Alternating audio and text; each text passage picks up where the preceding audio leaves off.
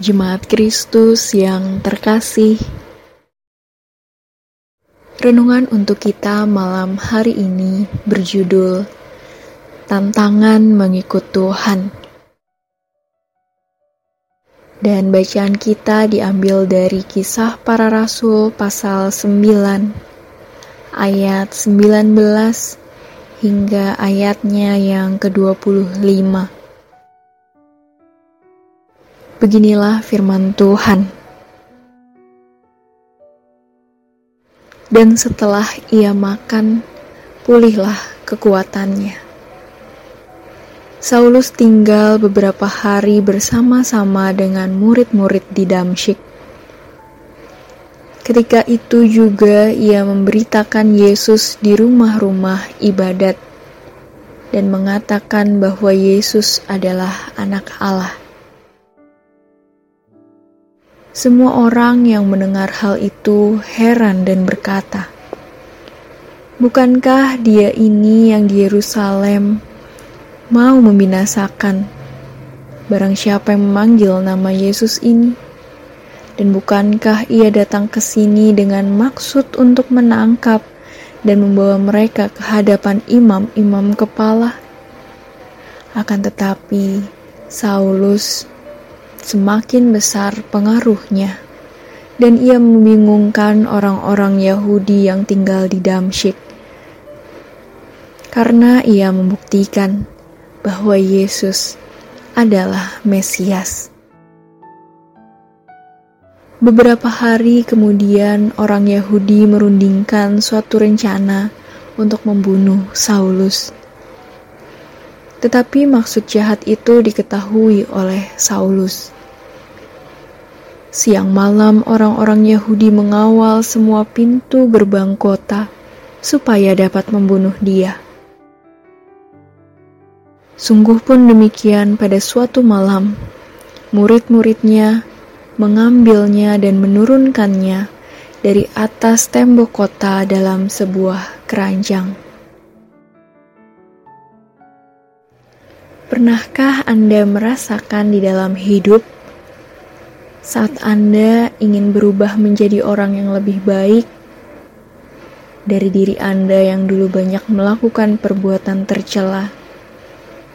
Namun, saat Anda menuju proses untuk menjadi lebih baik, justru begitu banyak hambatan dan halangan yang menunda atau mencoba mempersulit Anda untuk menjadi pribadi yang baru.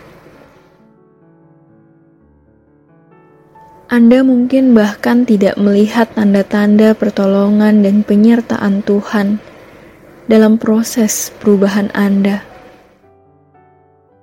Sampai-sampai rasanya Anda ingin menyerah saja dan kembali menjadi diri Anda yang dulu seperti yang dialami oleh Saulus. Hidupnya yang dahulu banyak mengejar pengikut Kristus, mengalami perubahan iman dalam hidupnya setelah bertemu dengan Yesus.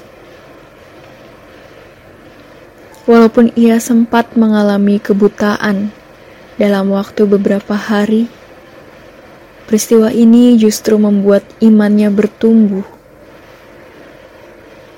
dan ia bertobat untuk hidup hanya untuk Yesus.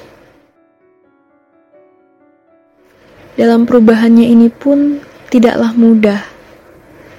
Ia hampir saja dibunuh di daerah Damsyik dan murid-murid Yesus pun bahkan ragu untuk percaya bahwa ia juga murid Kristus.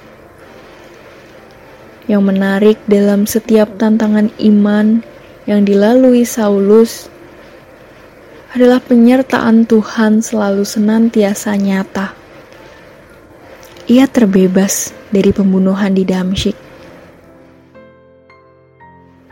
Dan para murid Yesus membantunya turun melalui tembok kota. Seperti halnya pada kita. Tantangan kadang datang silih berganti namun itulah yang menjadi ujian dalam keteguhan iman kita kepada Allah. Jangan menyerah dan tetaplah percaya. Seperti Saulus yang pernah berkata, "Dalam segala hal kami ditindas, namun tidak terjepit. Habis akal, namun tidak putus asa.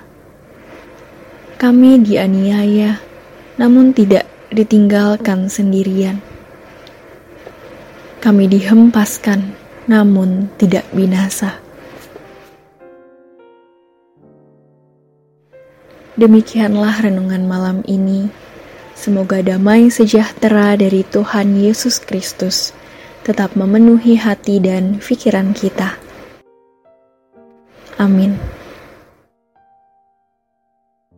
Jemaat yang terkasih, mari kita bersatu hati menaikkan pokok-pokok doa yang ada dalam gerakan doa 21 GKI Sarwa Indah. Mari berdoa.